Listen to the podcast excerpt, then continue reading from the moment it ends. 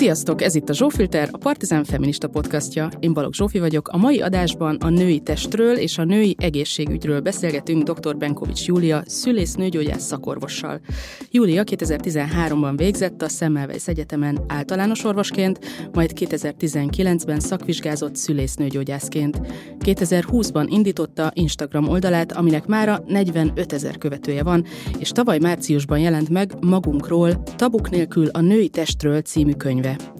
Az online tevékenységével csak úgy, mint a könyvel is az a célja, hogy idézem, eloszlassa a rengeteg tévhitet, amely a női test, a nemi szervek és a szexualitás körül évtizedek óta generációs örökségünk.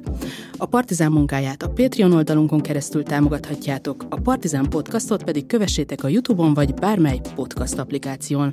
Köszönet Irsik Bencének a hangutó munkáért, Kili Zsannának az arculatért, nektek pedig köszi, hogy itt vagytok, kezdünk!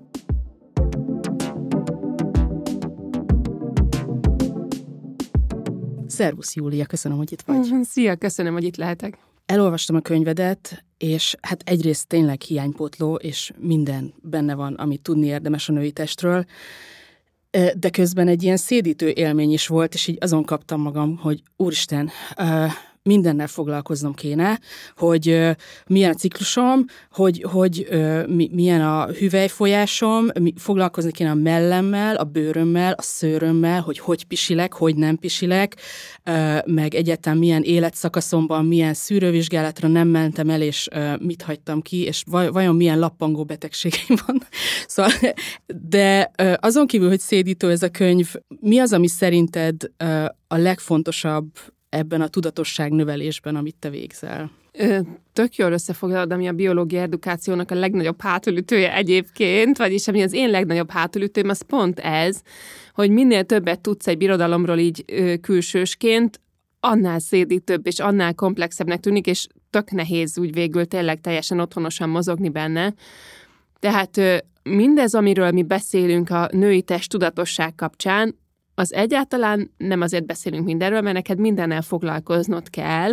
Az egy iszonyú fontos szamárvezető mindenki számára, hogy ha jól vagy, az azért egy nagyon biztató jel.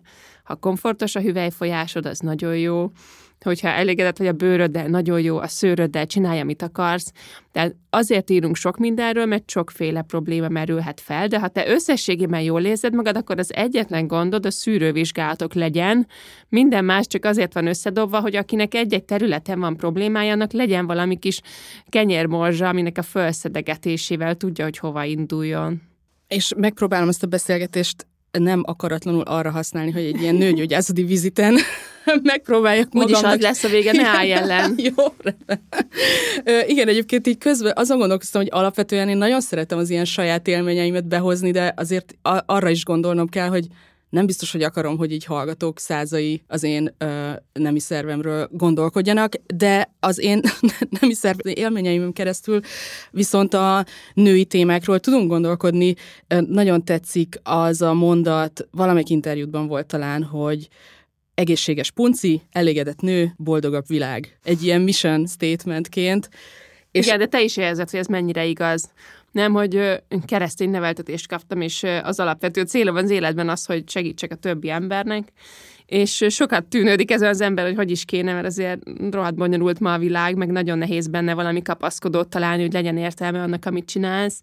De ezért, ha egyenként leülsz a nőkkel, és meghallgatod őket, akkor megtudod, hogy rettenetes trapabírók, nagyon-nagyon sokat tudnak dolgozni, rengeteg bennük a tenni akarás, és és ezek a nőgyógyászati problémák annyira meg tudják keseríteni a hétköznapokat, annyira bele tudják rakni a kerékkötőt a, a nők életébe, hogy én észrevettem, hogy ezeket a kis kerékkötőket kihúzkodni ennél többet én nem tehetek a világért, mint hogy működjetek és éljetek és alkossatok.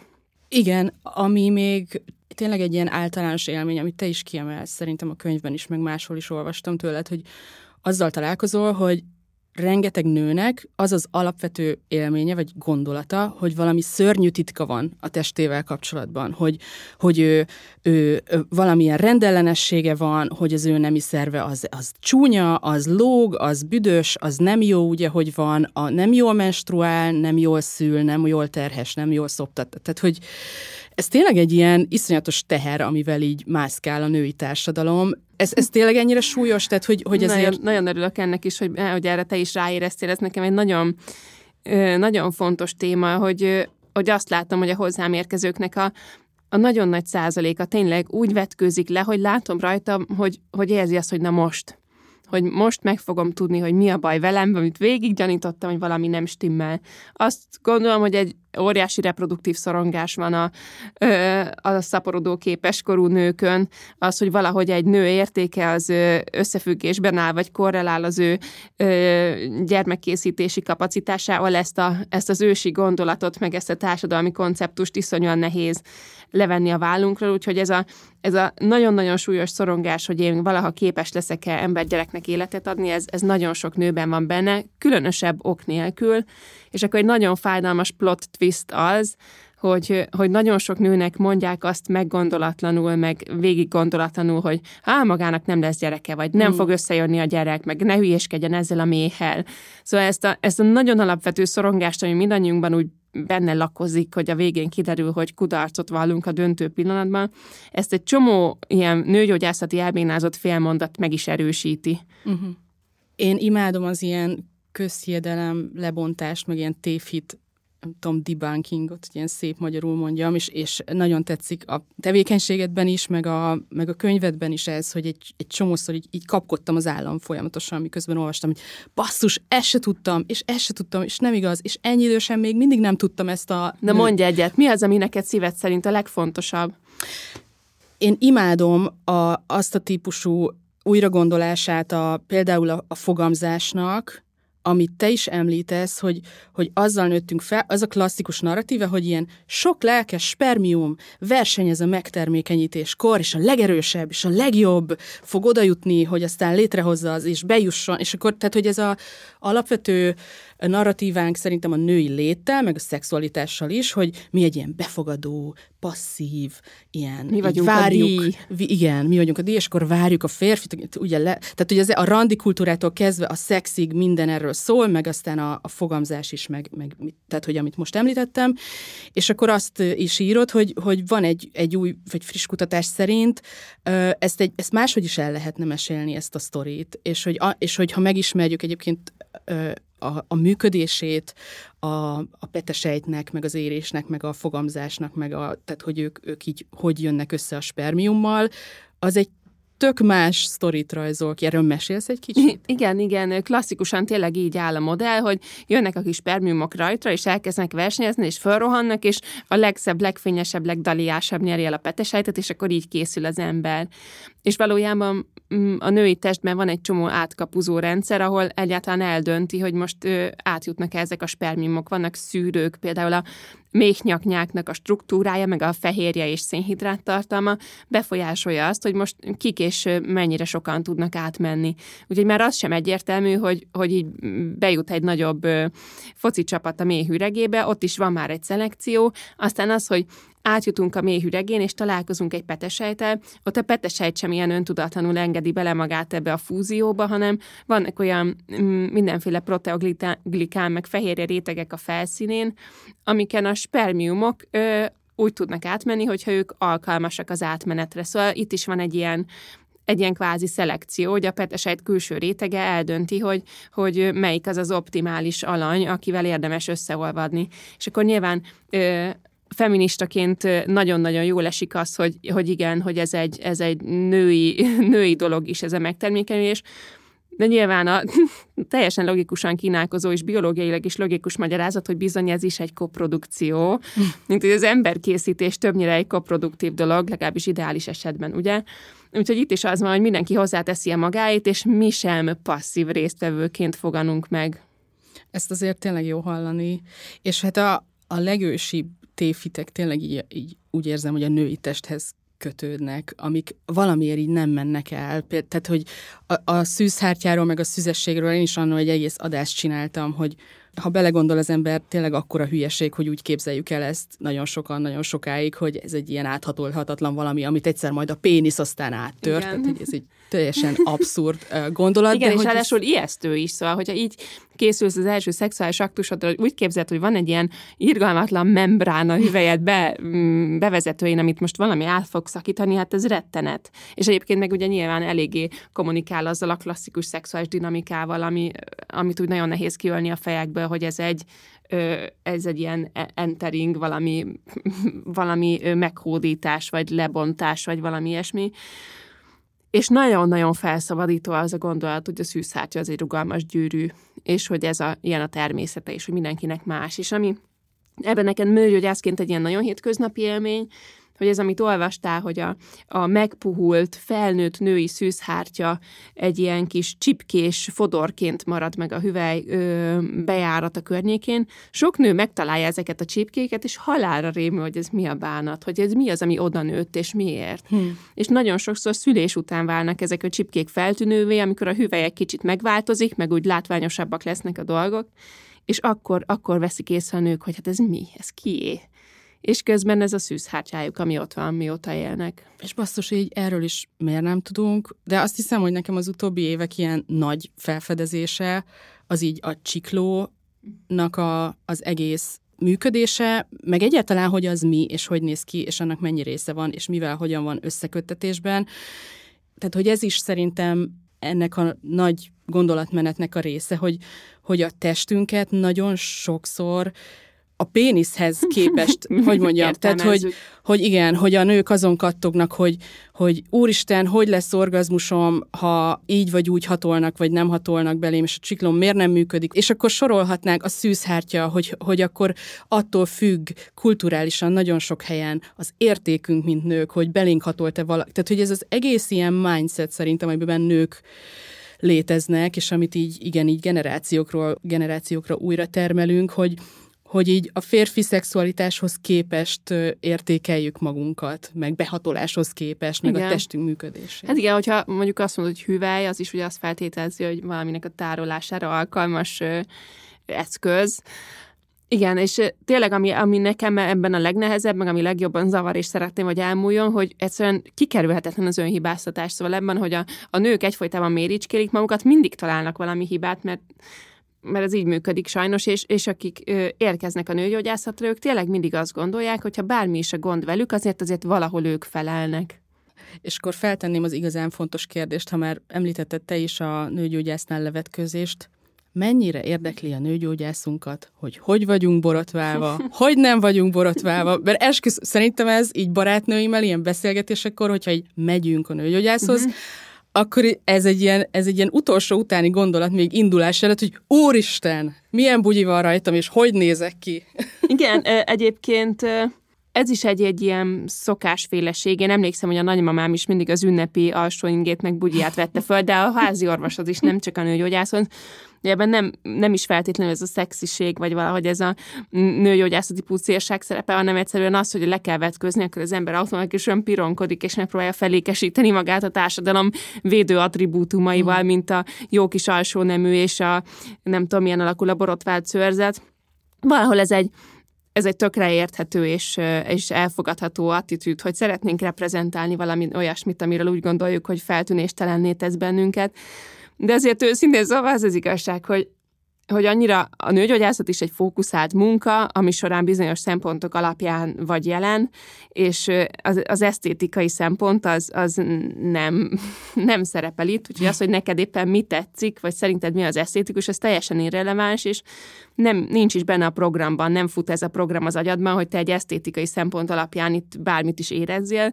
Végigmész a checklistán, ami a páciensed biztonságát szolgálja, és teljesen irreleváns benne a szőrzet és ami ebben nyilván egy ilyen hagyaték, amit kaptunk az előző generációt, hogy az előző generációban azért többnyire férfi orvosok voltak Magyarországon, és van egy ilyen bejáratott, egyébként egy viszonylag kedvesnek szánt attitűd, hogy, hogy azért a nőgyógyász és a páciens viszonyában valahol azért utalunk a, a férfi-női viszonyra is.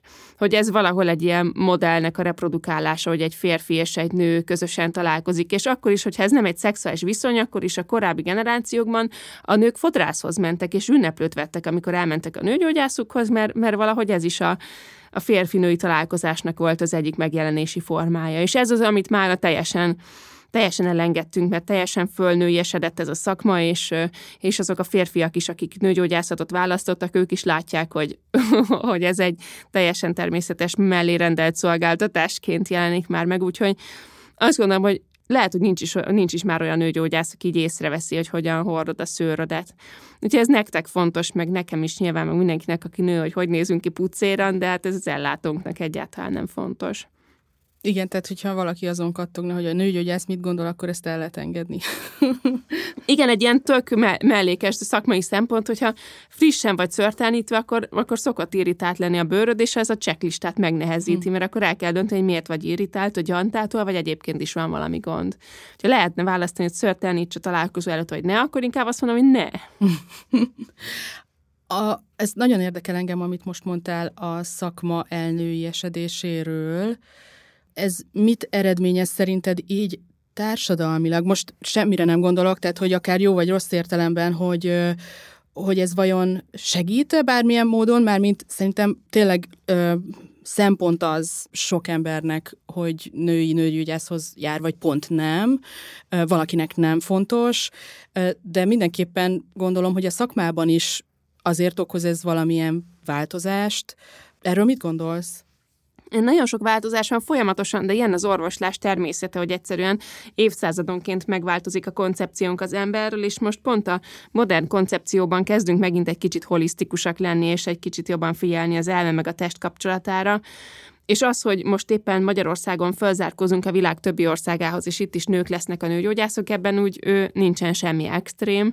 Mi nők nagyon szeretjük a a, a szülésélményt, meg nagyon szeretjük a, a részletes, részletes anamnézist, meg a beszélgetést, közel érezzük magunkat a saját biológiánkhoz, szóval egyre több nő megy nőgyógyásznak, mert ez egy nagyon-nagyon-nagyon jó szakma. Arról nem is beszélve, hogy azért az orvosi egyetemeken is arányaiban nagyon megnövekedett a nőknek a százaléka mindenhol, azért, hogyha ilyen szexuális sematizmusba bocsájtkozunk, akkor mondhatjuk, hogy a nők azért hajlamosabbak az empátiára, szóval női orvosként lehet, hogy több a türelmed egy szenvedő ember felé, de Azért ez nyilván nem ilyen egyszerű, lehet, hogy azért megy ennyi nő az orvosi pályára, mert nehezebb orvosként megélni, mint közgazdászként. Úgyhogy sok, sokféle faktor van ebben. Az, hogy a nőgyógyászatban megjelennek a nők, ez, ez egy üdvös szempont, mert egyszerűen bejön egy csomó olyan nézőpont a szakmába, ami eddig nem feltétlenül volt jelen. Másrésztről meg párhuzamosan változunk azzal, ahogy, ahogy egy ilyen lassabb, holisztikusabb orvoslás felé megyünk, ahogy így most éppen így látjuk az embert, hogy hajlandóak vagyunk egy kicsit komplexebben nézni. Egyébként pedig szigorúan kötöm az ebetakaróhoz, hogy teljesen mindegy, hogy a nőgyógyászat férfi vagy nő, nagyon-nagyon sok olyan férfi nőgyógyászt ismerek, akire rábíznám az életem, és ismerek olyan nőket, akinek, akinek meg a rákszűrésemet se adnám a kezébe. Természetesen nem törvényszerű az, hogy a nemedből adódik a viselkedésed, meg az attitűdöd. Az látszik, hogy a nők keresik a női ellátókat, hogy valahogy nagyobb a bizalmuk felénk, ami egy megtiszteltetés, de bíztatok mindenkit, hogy a, a közös munka alapján ítélje meg az orvosát, és ne a neme alapján. Abszolút, és hát gondolom, hogy mivel kibeszéltük azt, hogy a nőknek a saját testükkel, reprodukciós egészségükkel való kapcsolatuk az hát még, hogy mondjam, kíván fejlesztést. Tehát, hogy ez a, ez a sok szégyenérzet, meg, meg hogy úgy érzem, hogy valami rendellenesség, vagy valami, valami nincs rendben velem, ezt nyilván viszik az orvoshoz is, és arra is kíváncsi lennék, hogy szerinted igényele pont ebben a szakmában mondjuk így extra nem tudom, képzés, vagy képzettséget, vagy így hozzáállásbeli, nem tudom, milyen boostot, hogy ezzel is még külön foglalkozzon az ember, vagy csak most tényleg így elképzelem azt, hogy azért sok nőnek már csak az, hogy mesztelenül van egy szakember előtt, és vizsgálat tárgyát képezi a legintimebb testrésze, hogy ez egy csomó ilyen lelkisérülést is magával hozhat, de nem tudom, hogy ez egyébként mondjuk kap-e külön figyelmet, vagy kellene neki külön figyelem mondjuk a képzés során? kell, és ez is egy csomó ott alakul, mondjuk ahhoz képest, hogy én 15 éve jártam az orvosira, ahhoz képest már most van egy csomó változás, ami, ami nagyon pozitív. Már nekünk sem kellett nagyon erőlködni az, hogy orvosi kommunikációs szakirodalmat érjünk el, de azt hiszem, hogy a, akik ma vannak az egyetemen, azoknak, azoknak még sokkal izmosabb az orvosi kommunikációs tréninge, mint nekünk volt, és így sem kell egyébként nagyon sokat gondolkozni azon, hogy az előző generáció miért volt ennyire eszköztelen ebben az intim szituációban, hogy én emberként ismerem az előző generáció orvosait, és nagyon-nagyon jó fej és rendes és jó szándékú karakterek, és teljesen eszköztelenül hagyta őket a képzésük a, a kiélezett kommunikációs helyzetekben, hogy egy rossz hír közlése, egy, egy perinatális veszteség, vagy akár egy szexuális tanuló esetén mit kell mondani, hogy hogy egyetem mondjunk-e valamit, az, ez, ez nem egy intrinzik képesség, hanem ezt meg kell tanulni, úgy kell megtanulni, mint az anyám tyúkját, különben nem fog eszedbe jutni egy kielezett helyzetben, és őket szegényeket még nem tanította meg erre senki, és akkor mindenki a saját lehetőségeihez mérten jött ki ezekből a helyzetekből, és azért van tele az internet a traumatikus nőgyógyászati kommunikációnak a gyöngyszemeivel, mert mert ezek a kollégák, ezek nem voltak fölkészítve erre a nagyon-nagyon-nagyon-nagyon tényleg érzékeny dologra, ami a nőgyógyászat. Tehát az, hogy mondjuk egy szülési helyzetben te természetszerűen egy, egy megváltozott mentális állapotban vagy, ahogy a, ö, a szakértő, a Varga Kata felhívja erre a figyelmünket, te, te módosult tudatállapotban mész beszülni, és ez egy olyan tudatállapot, ahol iszonyúan érzékeny vagy a szuggeszciókra. Szóval, ha valaki azt mondja neked, hogy valószínűleg minden rendben lesz, vagy hogy nem fog fájni, akkor, akkor te, te nem azt hallod, amit mondanak, hanem a szuggeszciót, hogy de fog fájni. Hmm. Azért mondod, hogy nem fog. És e, ezen átlátni rutintalanul, meg tanulás nélkül tényleg nagyon nehéz, és akkor ha fölmész a más állapotot, vagy bárkinek a honlapjára, aki a nőgyógyászati vagy a szülészeti traumákkal foglalkozik, akkor nagyon sokszor egy ilyen fájdalmas felismerés az, hogy, hogy ezek a traumák nagyon sokszor kommunikációs traumák, és nem valódi szakmai, fizikai traumák, hanem, hanem nagyon kárért a traumák, hogy megtanulhattunk volna beszélgetni, de nem tanultunk meg. És azt is hangsúlyozott többször, hogy mennyi köze van a fogyasztói társadalom működésének ahhoz, hogy úgy érezzük, hogy ilyen sérültek vagyunk, meg ilyen nőként tökéletlenek. Uh-huh nekem ez is nagyon fontos volt olvasni, hogy, hogy ez is be van hívva ebbe a beszélgetésbe, hogy így az egész kapitalizmus az így generálja azt nyilván az összes reklámtól kezdve, hogy, hogy állandóan ez az érzésünk legyen. Igen, tényleg most ha esti mesét nézek a gyerekeimmel, és kénytelen vagyok bekapcsolni néha a tévét, akkor mindig lefordulok a kanapéról, hogy egy-egy mirelit pizza elvétve, de közben ráncok, narancsbőr, a hajpuhaság, szóval tényleg, hát tudom, hogy ez 20 éves történet, de hogy egyszerűen folyamatosan az ömlik lánk, hogy hogy lehetnénk szebbek, gusztábbak, puhábbak, simábbak, mm. és ezt ez tényleg az egészség kapcsán annyira fontos diszkriminálni, vagy így elválasztani, hogy az, hogy, hogy te hogyan érzed magad a testedben, és hogyan éled a hétköznapédet, és milyen az életminőséged, azt nagyon-nagyon fontos, hogy képes legyél te magad eldönteni, hogy, hogy a tested hogyan funkcionál, és hogy érzed magad benne, és, és ne hagyd azt, hogy ilyen táplálékkiegészítő reklámok, meg hüvely, hüvelyflóra helyreállító nem tudom, mik meggyőzzenek arról, hogy veled valami súlyos probléma van. A legfontosabb dolog, amit meg kell tanulnunk, hogy befelé, magunk felé nézzünk, figyelve, hallgatva, hogy, hogy tulajdonképpen hogy vagyunk mi. És ami ugye nagyon fontos, hogyha úgy érezzük, hogy hát nagyon szarul, akkor, akkor merjünk elmenni utána járni. Ha viszont úgy érezzük, hogy jól, akkor viszont nyugalom. Szóval nagyon ez, hogy, hogy egyukálunk ebben, az is a, a nagyon nehéz, hogy, hogy sokan jönnek rémülten, hogy hát de figyelj, doktornő, az a baj, hogy én évek óta mosom a puncimat egy intim lemosóval, és akkor most mi lesz? Mm. És akkor nagyon fontos ez, hogy hát ha jól vagy, akkor semmi akkor nem lett semmi, és eztán se lenne, de azért inkább ne csináld meg. Kell, kell a nőknek egy, egy bátorság, meg most már az, hogy így felmerjük azt fogni, hogy amit érzünk, meg amit látunk, meg élünk magunkon, az a valóság, és nem a valóságnak egy lehetséges formája.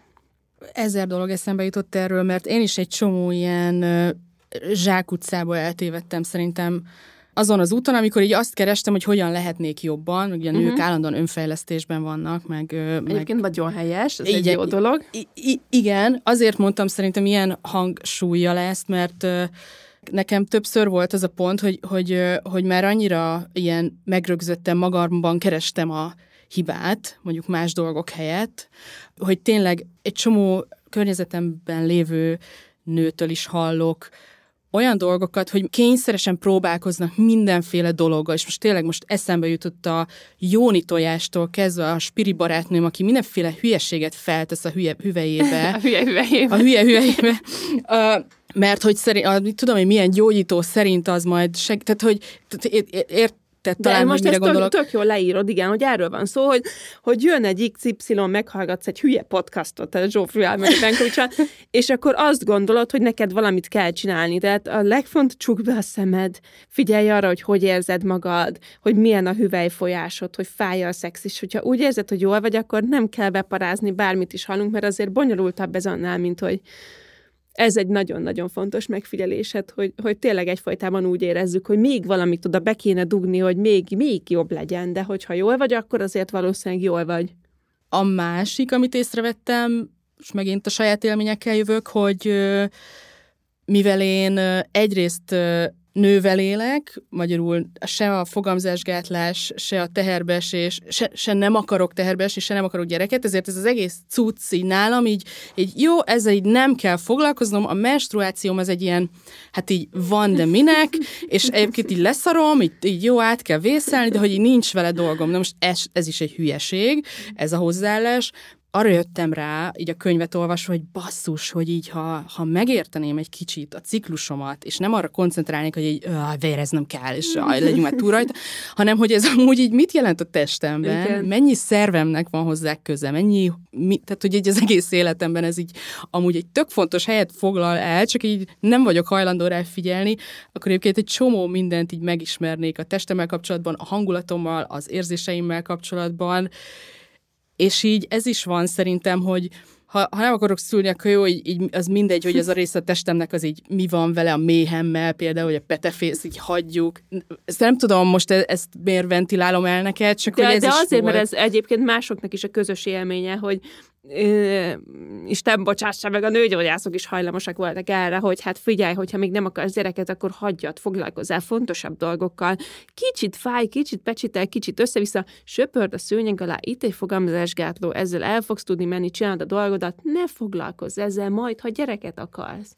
És akkor ez az, amit most most te is úgy érzed, hogy milyen jó lenne úgy kicsit tudni, hogy mi, mi történik velem, meg mi van velem, és és a többiek is így érzik, hogy mennyivel jobb lenne, hogyha nem az lenne, hogy így úristen ánykolódom valami tengeren, fogalma sincs, hogy milyen napszak van. Tök jó dolgokat tudod, hogy merre mész, mire számíthatsz, mi fog, mi fog kb. történni. Ebben tényleg a hangulat, ez egy nagyon érdekes dolog, hogy, hogy alig van olyan nő, aki nem érzi a ciklikus hangulatváltozásokat, ami hogyha tudod és ismered, akkor tényleg az előnyödre fordítható, mert tudod, hogy nagyon békésen fogod a fűszeres szekrényt rendbe rakni menstruáció alatt három nappal, viszont hogyha úgy érzed, hogy ingerlékenyebb vagy, akkor fogod tudni, hogy nem a férjed teljesen hülye, vagy a partnered teljesen hülye, hanem most ez van. Szóval tök, tök jó szerintem keretbe rakja azt, hogy, hogy mi a ritmusunk, hogy éppen hol vagyunk, és az is fontos, hogy hány éves vagy, hogyan táplálkozol, és egy idő után, hogyha erre kihegyeződsz, akkor érzed azt, hogy egy adott napon mi az a az a háttér, az a, az a színvilág, amit kapsz a hormonrendszerettől, és akkor ezt hogyan tudod úgy modifikálni, hogy éppen te a maximális funkcionalitásodon legyél, és, és azt csináld, amit a legjobban tudsz.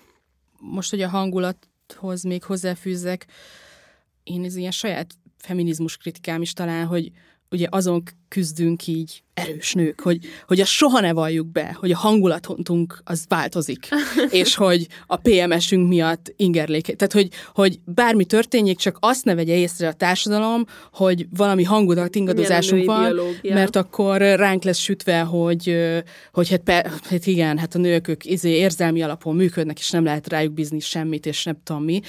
De hogy Köz... Ez is, ennyire örülök, hogy ezt mondod, mert egyébként ez egy nagyon fontos szempont ebben, hogyha automatikusan behozunk egy menstruációs szabadságot, vagy automatikusan behozzuk azt, hogy PMS idején te fél munkaidőbe dolgozzál, az, az nem fogja az előnyünket szolgálni, mert nem mindenki funkcióvesztett a PMS idején.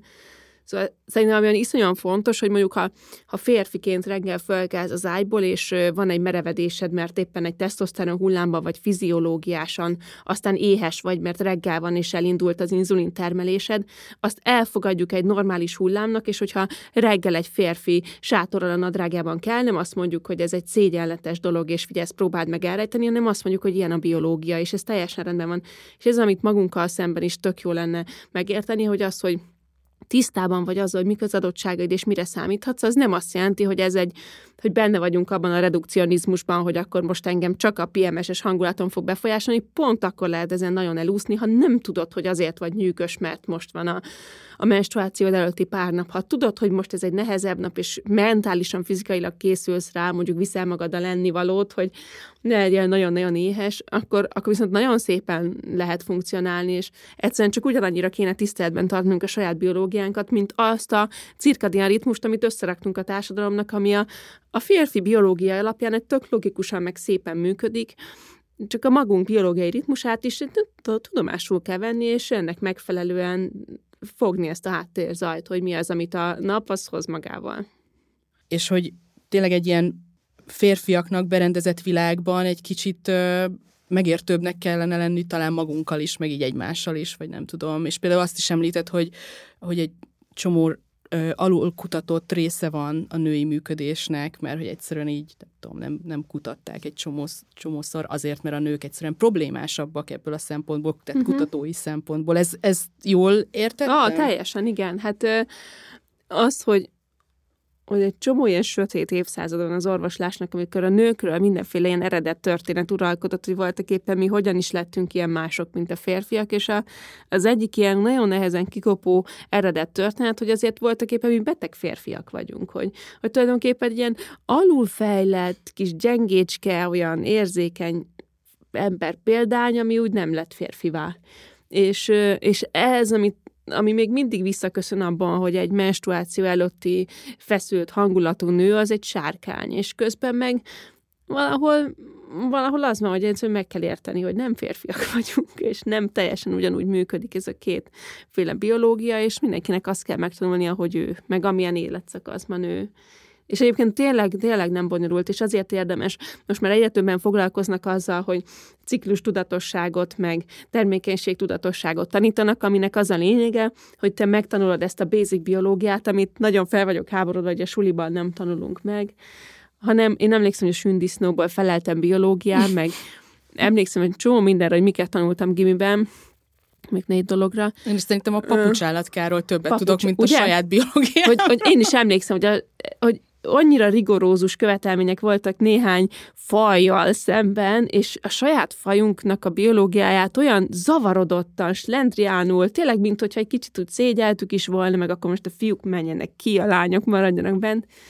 És annyira tényleg nem bonyolult, de azért bele kell tenni egy-két hetet, és akkor, ha megérted, bem, összeáll az egész, és, és annyi minden következik a másikból, és annyival könnyebb úgy létezni a legdurvább még a kutatásokhoz visszatérve, azt, azt tényleg így nem hittem el, hogy ez igaz, de igaz, hogy 50 évig kutatták azt, hogy van egy menstruációs méreg, amit Igen. a nők kibocsájtanak, menotoxinnak nevezték uh-huh. el, és hogy ezt egy magyar orvoshoz, ez, egy magyar orvoshoz kötődik, én ezt tényleg leolvattam, hogy idáig viszont elment azért az orvostudomány is, hogy a nőkről tényleg azt gondolták, hogy egy ilyen mérgező, nem tudom... Meg, hogy tudod, mi az érdekes ebben ez a misztikus vonulat? Hogy akkor elolvastad, és ajánlom, hogy aki meghallgat minket, föltétlenül írja be a Google-be, hogy menotoxin, és keressen rá erre a témára, mert ez is annyi mindent elmond arra, hogy hogy bírunk a nőkhöz viszonyulni. Tehát volt az a neves kutatóorvos itt Magyarországon, aki egyébként sok mindenben ért el dicséretre méltó eredményeket, és ő egy szép napon ő vett egy virágcsokrot, és mondta a szolgáló lányának, hogy helyezze bele egy vázába, és ahogy a szolgálódnő belehelyezte a vázába, másnap reggel szegény doktor úr ránézett a világra, és el volt hervadva a csokor, és kutatásba kezdett, hogy mi történhetett a bokrétájával, és arra jött rá, hogy ez a, ez a bejáró nő, ez bizony menstruált, és akkor hát nem kellett sok, hogy összetegye az okokozatot, és akkor elkezdte ezt kutatni, hogy miféle mérget bocsájtanak ki a menstruáló nők. Atya. És akkor ezt egészen banálisan úgy csinálta, hogy izzadságot, meg könnyeket gyűjtött ilyen fiolákba, és ö, virágokat állított ezekbe a fiolákba, és megnézte, hogy hát ö, ször, szörnyű halált halnak-e azok a ö, virágok, amiket menstruációs nők könnyébe vagy izzadságába helyezett. Van is róla dokumentált kép az interneten, hogy hogy nézett ki, hogy a gerberák így átsorognak ilyen ö, folyadékkal tett kémcsövegben. És akkor ezt egész sokan felültek erre a lóra, és többen is elkezdték kutatni, mert egyébként nyilván nem azért, nem azért volt ostobaság ez a gondolat, mert nem bocsájtunk ki olyan dolgokat menstruáció idején a testünkben, amik akár még egy virág elhervadásához is vezethetnek, hanem azért, mert egyszerűen ez nem így működik, hogy nem, nem fog elhervadni a virág attól, hogy hozzáérünk. És hosszú évtizedekbe telt, mire azt mondták, hogy na jó, ezt a kutatási sorozatot, ezt ne folytassuk, mert lehet, hogy itt most gyerekek, fiúk, itt nincsen semmi. Wow, tényleg, tehát ez, ez azért elég illusztratív valóban. Uh-huh de már így a szavaink is, hogy havi baj, meg ezek a típusú ilyen, nem tudom hány sztorit tudunk, hogy a mindenféle törzsekben a nőt ilyenkor így elküldik a, nem tudom, milyen falusztér, igen, igen, az egy ilyen... Kunyhóba halálos veszedelem, mert jönnek és megesznek az éjszakai állatok, meg megfagysz. Marha jó. Tehát nincs elég Igen. bajod a havi bajoddal, egyébként még így kiraknak egyedül valami kunyhóba, ahol megesznek az állatok. Uh, szóval tényleg a, a mítoszaink is, meg, meg mindenféle hiedelmeink, meg ilyen fennmaradt tévhiteink így annyi ilyen görcsöt szülnek az emberben, hogy, tehát, hogy nem csoda, hogy azt gondoljuk, hogy mindenféle baj van velünk nőként. Neked van egyébként ilyen kedvenc hát most így nem tudok jobb szót erre, de ilyen közhiedelmed, ami, ami ilyen nagyon makacsul tartja magát, akár valami ilyen apróság a biológiánkkal kapcsolatban? Ö, igen, ez a, a, a, ami nekem nagyon-nagyon sokszor visszaköszön, és úgy látom, hogy ez, ez iszonyú nehéz nekünk, meg nektek, a hüvelyfolyás. Uh-huh.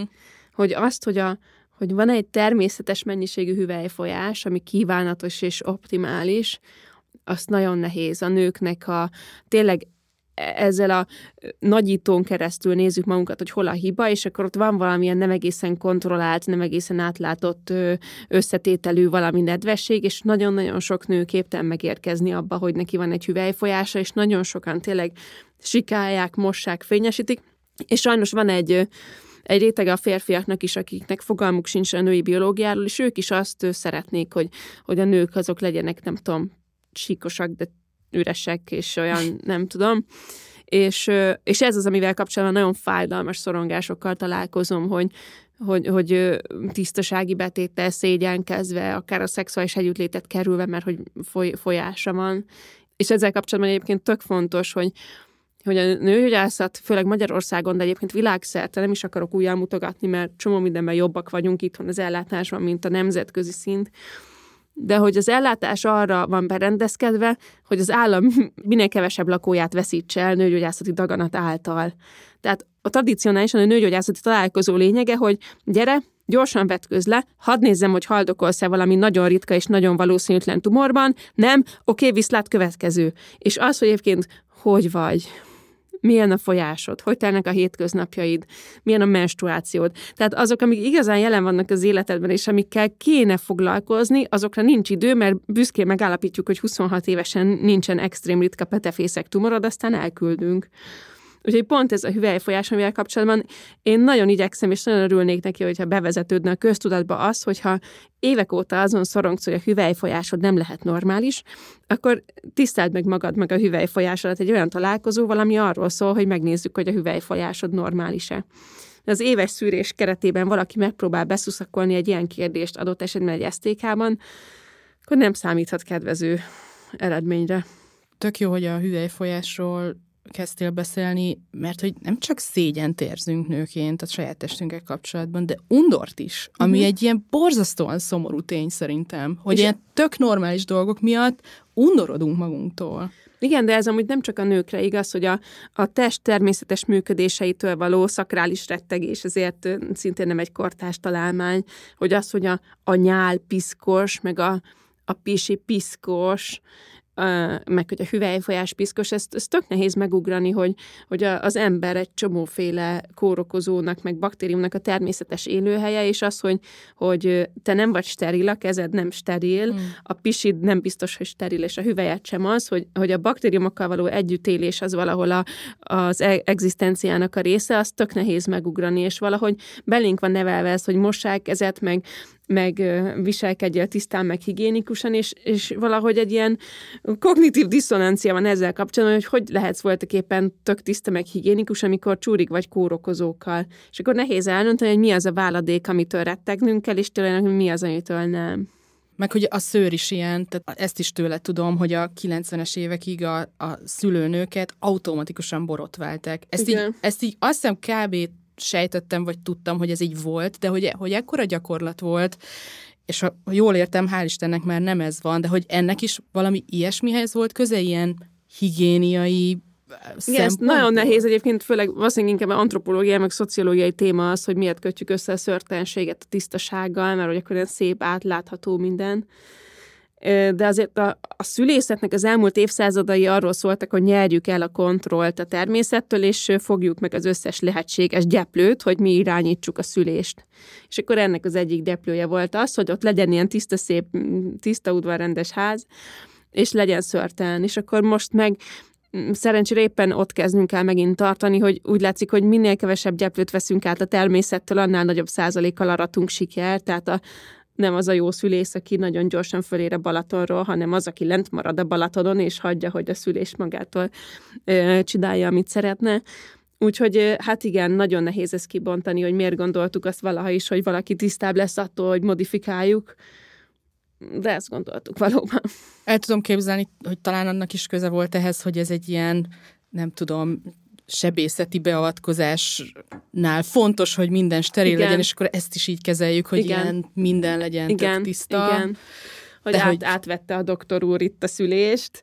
Ja. És akkor, hát igen, az, hogy, az, hogy kivonult a bábák kezéből a szülészet még a 19. században, és átvették a, az orvosok, akkor valahogy, valahogy ez, ezt gondoltuk, hogy ez lesz a legjobb tényleg, hogyha minél, ha minél orvosiasabb, meg minél sebésziesebb egy szülés, és most már látjuk, hogy úristen, jaj, bocsánat, nem mégsem.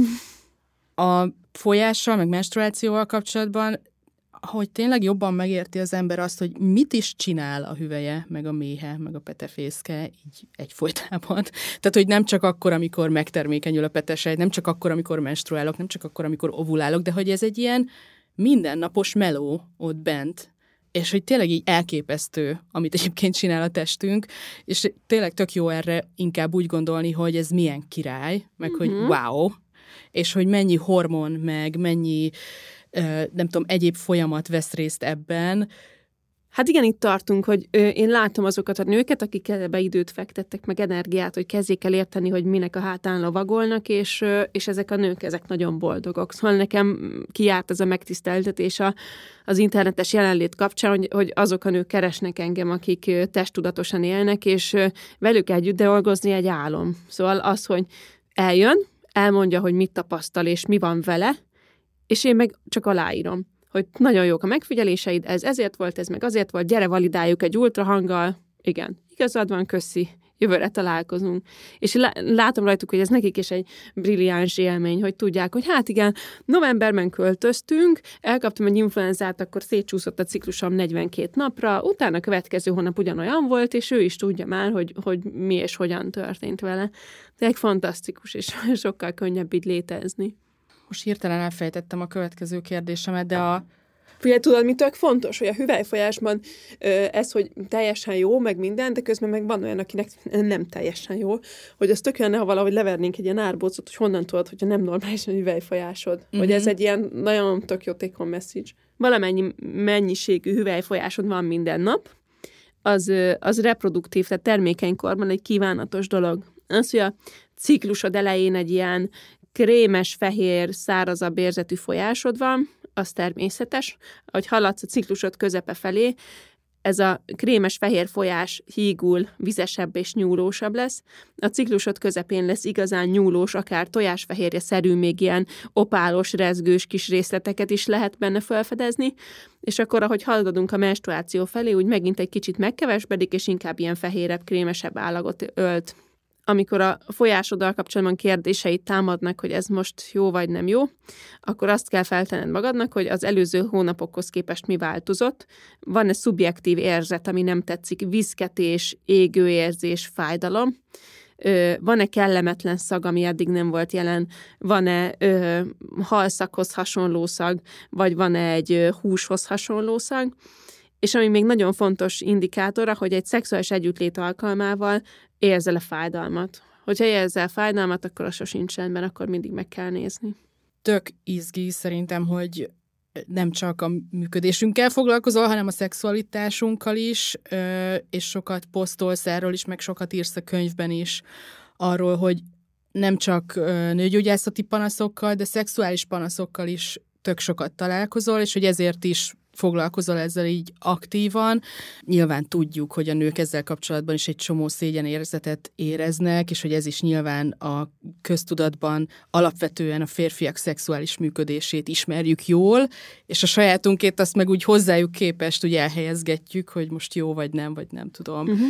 Szerinted ezzel kapcsolatban mi az, ami mondjuk a te megfigyeléseid alapján egy ilyen jó sorvezető, hogy erre hogy gondoljunk kevesebb uh-huh. stresszel. Aha, tök jó, ez, tök jó, hogy ezt megkérdezed.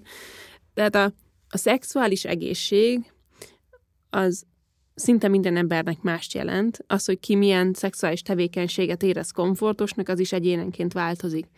Az egy nagyon fontos ö, szempont, hogy hogyan érzed magad a saját szexuális életedben, hogy komfortosan-e. Nagyon sokszor előfordul az, hogy azzal jönnek a pácienseim, hogy a nők képtelenek orgazmust elérni hüvelybehatolás alkalmával, és akkor érezzük itt a teljesítményszorongást, hogy képtelenek, nem az, hogy nem szoktam, vagy úgy ritkán fordul elő, képtelen, nem vagyok rá képes.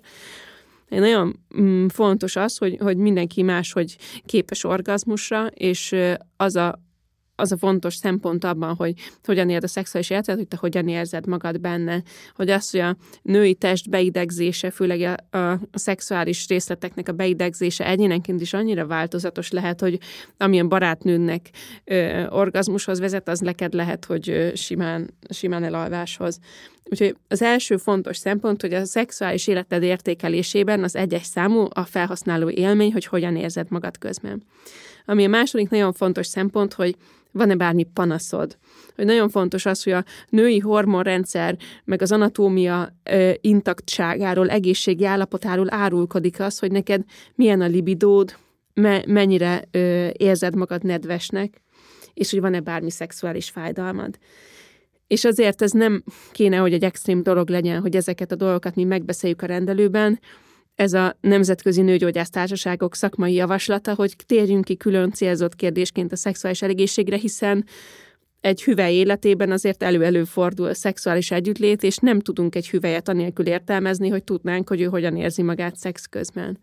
Tehát fontos az, hogy hogy vagy, milyen a lipidód, nedvesedsz és fáj-e bármi talán az is fontos ehhez, hogy a milyen a libidód, azt nem azt jelenti, hogy akkor így elhelyeznek egy skálán, hogy neked most uh-huh. vala, Igen. most ez kevés vagy sok, amit te mondtál, mert szerintem Igen. ez egy ilyen általános parája az embereknek, hogy így úristen, biztos nem szexelek eleget.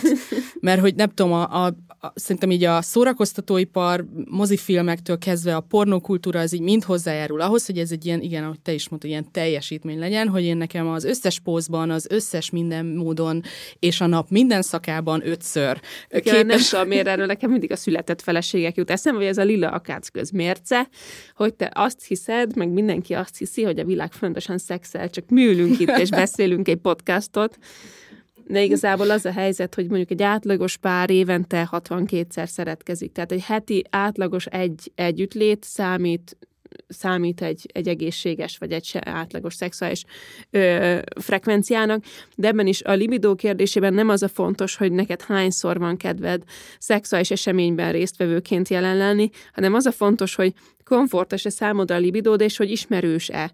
Az a nagyon fontos, hogy a libidód pár hónap alatt megváltozik, vagy eltűnik.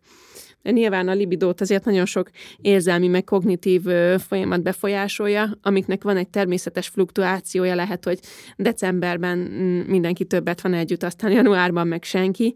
Ezeket a dolgokat lehet lekövetni, de hogyha hónapok óta valamiért valaki úgy érzi, hogy a libidója eltűnt, azzal vagy biológiailag, vagy pszichésen érdemes egy kicsit foglalkozni.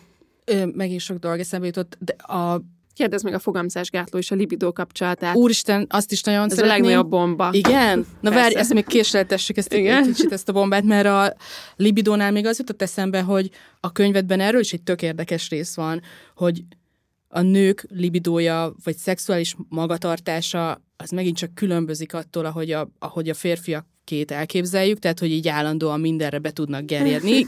Nyilván minden férfi nem így működik, de hogy ez a kép, és valami ilyen képhez akarjuk magunkat hasonlítani, uh-huh. hogy így igen, azonnal, nem tudom, vacsora után két perccel már kedvem kell, hogy legyen, és elélvezni, és nem tudom, öt perc múlva. és hogy nem biztos, hogy jól fogalmazom, meg majd javíts ki, de hogy, hogy azt is fontos így megérteni a nők szexualitásával kapcsolatban, hogy ez nem egy ilyen berendezkedés, hanem egy ilyen kicsit reaktívabb, vagy egy ilyen responsívabb, ahogy működik, és ez is egy kicsit ilyen fluktuáló, vagy ilyen ciklikus uh-huh.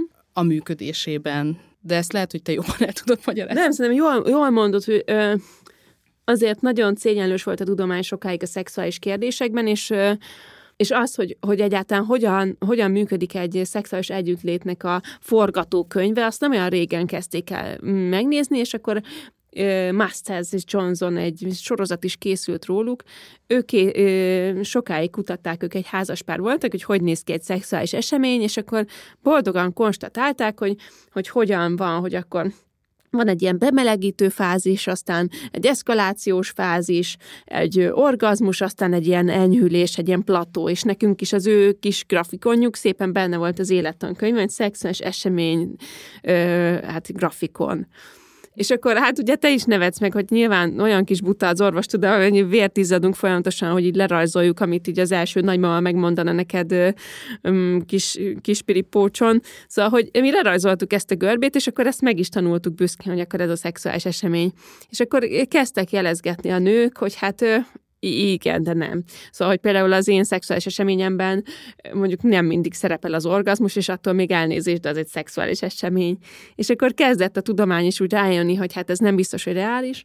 A legtöbb nő azt mondja, hogy számára ez a helyzet, hogy egy, egy bármilyen tetszőlegesen kiválasztott élethelyzetben egy, egy állandóan jelenlévő háttér libidó egy apró szikra hatására egy ilyen eszkalációt indít el, aminek a tetején van egy orgazmus, aztán egy természetes oldódás, hogy ez a dinamika, ez legtöbbször a kapcsolat elején ismerős, aztán utána meg már nem mindenkinek. Sokat dolgoztak rajta nagyon-nagyon okos, meg szorgalmas kollégák, hogy kitaláljanak egy másik fajta modellt, és akkor megszületett egy másik modell, ami sokkal inkább hasonlít a, a, női szexuális eseményhez, ami inkább egy ilyen körkörös, kitérőket tevő, kicsit egymásba visszacsatoló, alapvetően intimitás, meg érzelmi közelség alapú ilyen szexuális kör, amiben a, a kör bármelyik fázisában végződhet elégedettséggel a szexuális esemény, anélkül, hogy kötelező állomásokat, például orgazmust kéne elérni. Tehát látjuk, és egyébként most megint az van, hogy szerintem mi nők egy csomót haladunk így az elmúlt években, és szegény férfiak meg maradnak a 70-es években, szóval azért én azt látom a pácienseim beszámoló alapján, hogy azért a férfiak se így működnek. És az a, az a legnehezebb ebben, hogy, hogy van ez a klasszikus, a, a nők felelnek meg valamilyen standardnak szexuálisan értelmezés, de hogy igazából azt gondolom, hogy a, a 2024-es férfi szexualitásról talán még ijesztőbben kevesebbet tudunk, mint a női szexualitásról az is biztos egy felfedezendő téma. Nem én fogom felfedezni, de remélem, hogy valaki valahol. Lett meg. Bár aztán ki tudja, lehet, hogy majd erről is lesz egy adás, ha valaki ezt szépen kikutatja rendesen. Most mondd el kérlek akkor a libido és a fogamzásgátló kapcsolatáról. Ja, igen, aztán... igen, szóval hogy azért olyan fontos az, hogy az ember konstatálja azt, hogy a számára ismerős mértékű és dinamikájú libidó hirtelen megváltozik, mert vannak olyan biológiai helyzetek, amiben ez egy betegségre utalhat. Például, hogyha a pajzsmirigyed elkezd csúnyiban alul működni, és úgy érzed, hogy olyan csigás az agyad, olyan nagyon álmos vagy, kicsit elkezdtél vizesedni, meg hízni, és semmi kedved a szexhez, akkor nagyon fájó, hogy a holisztikus orvoslás néha abba a hibába esik, hogy azt mondja, hogy mm, biztos csak elhidegültél a partnert, hogy nagyon sokszor hogy nagyon készen állunk a pszichés magyarázata, hogy neked például miért nincs libidód, meg hogy mi a helyzet, és nagyon sokszor nők is így érkeznek, biztos, hogy a párkapcsolaton van valami gond, és akkor tök fontos, hogyha a libidót lecsapja a biztosítékot, és éppen így eltűnt, akkor először nézzünk rá a biológiai okokra, mert, mert nagyon jó marker ez a, ez a libidó eltűnés. És ami egy nagyon-nagyon fájdalmas pontja itt az elmúlt évek nőgyógyászatának, hogy nagyon iszonyan büszkék voltunk erre a kombinált fogamzásgátlási lehetőségre, ami valahol ugye a feminizmusnak egy, egy nagy ugrása volt, hogy akkor most végül is nem kell minden szexuális elköteleződéssel családot is alapítani, ezért a nőknek ez egy nagy lépés volt, és az orvostudomány foggal körömmel ragaszkodik ahhoz, hogy, hogy egy kombinált fogamzásgátlónak alig van mellékhatása. És a felhasználók között pedig teljesen mások az élmények. A nők nagyon nagy része egyetért az orvostudományal, és azt mondja, hogy teljesen komfortosan tud használni egy fogamzásgátló tabletát, viszont van a nőknek egy kis szegmense, aki teljesen rosszul érzi magát fogamzásgátló szedés mellett, totálisan eltűnik a libidója, fájdalmassá válik számára a szex, nem megfelelő a hangulata.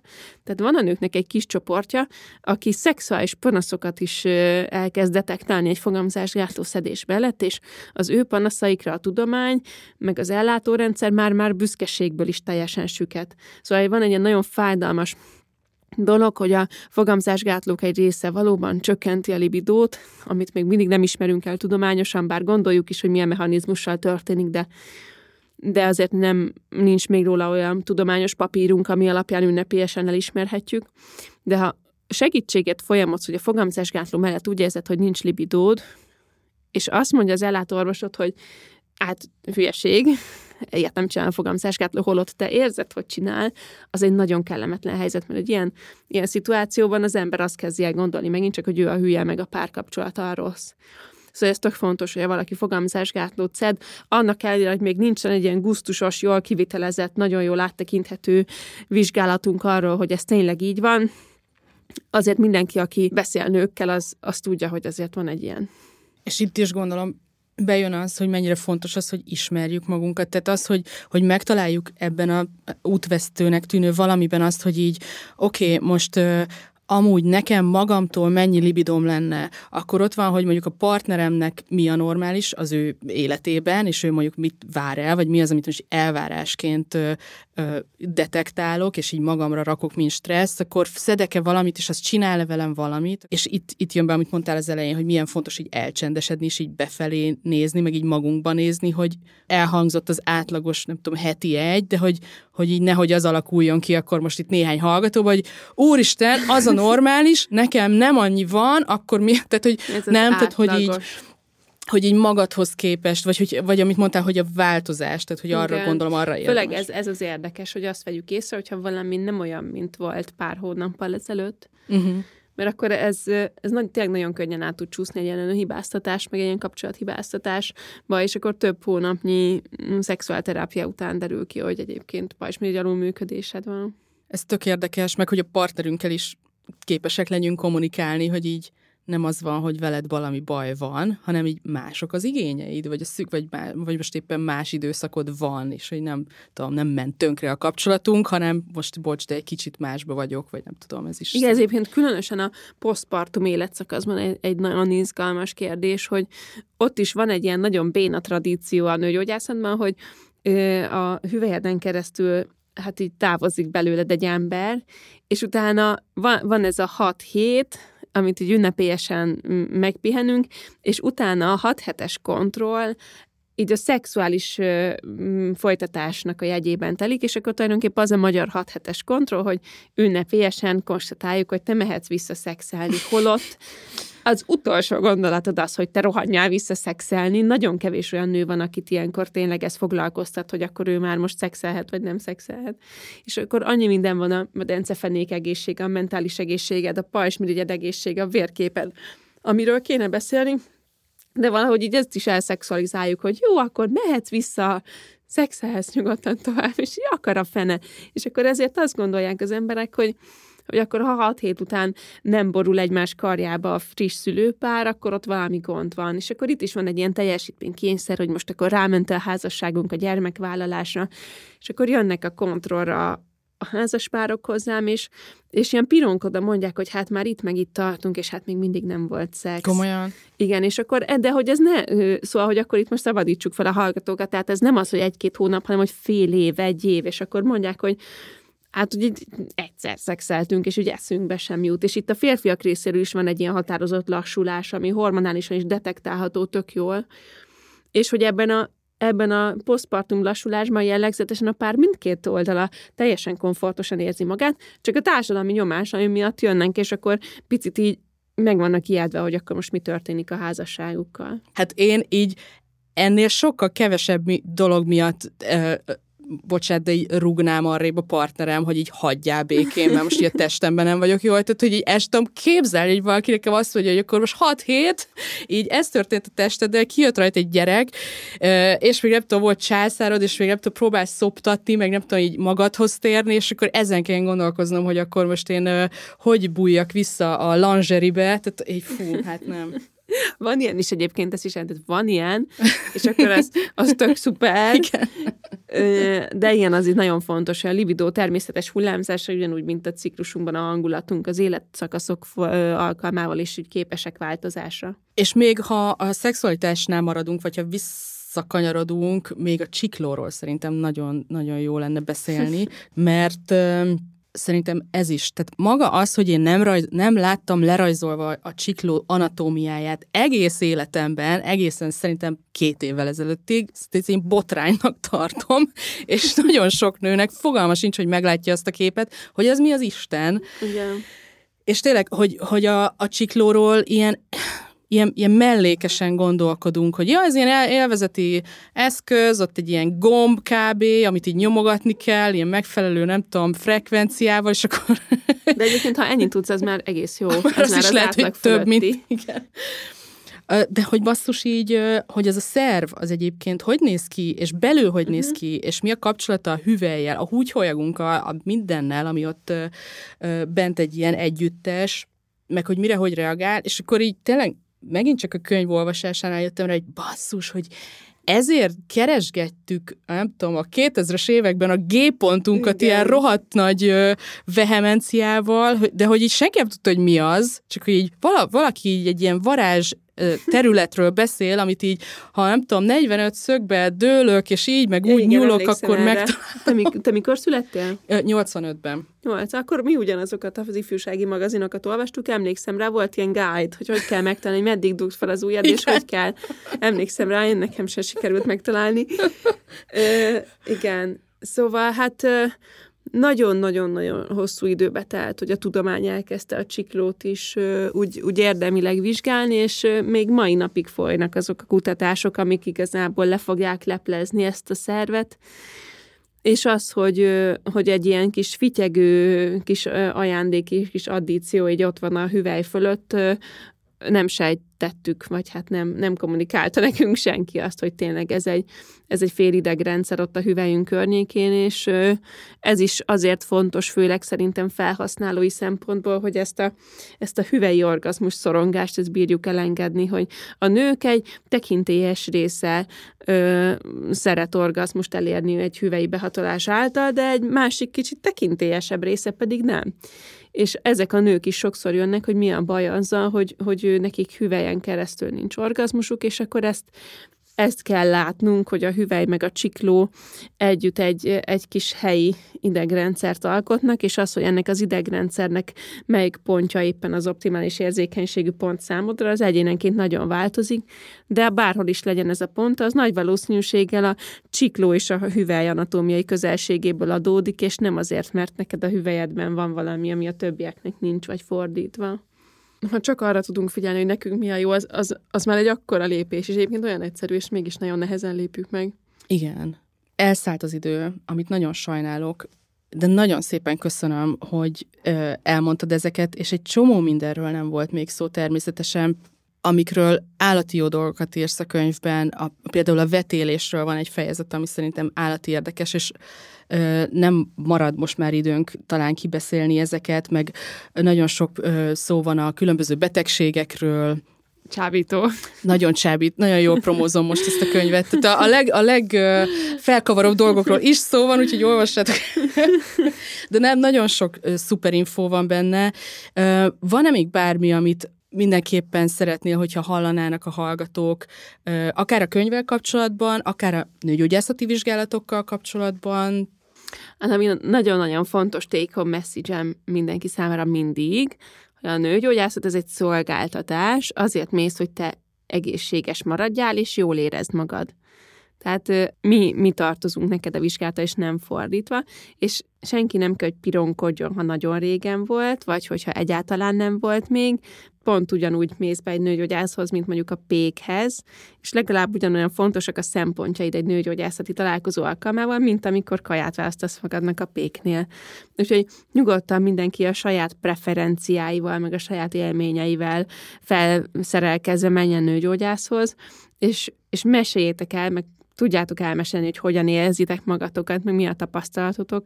Nagyon jó dolog az, hogyha egy nőgyászati vizit alkalmával mondjuk nem a gyantázással, hanem inkább egy kicsit ilyen elcsendesüléssel, meg figyeléssel vagyunk elfoglalva, hogy tulajdonképpen hogy is vagyunk, és hogy mi az, ami nőgyógyászatilag esetleg tudna fejlődni, és mi az, amivel kapcsolatban meg teljesen elégedettek vagyunk. Nagyon köszönöm, hogy itt voltál. Köszönöm a meghívást.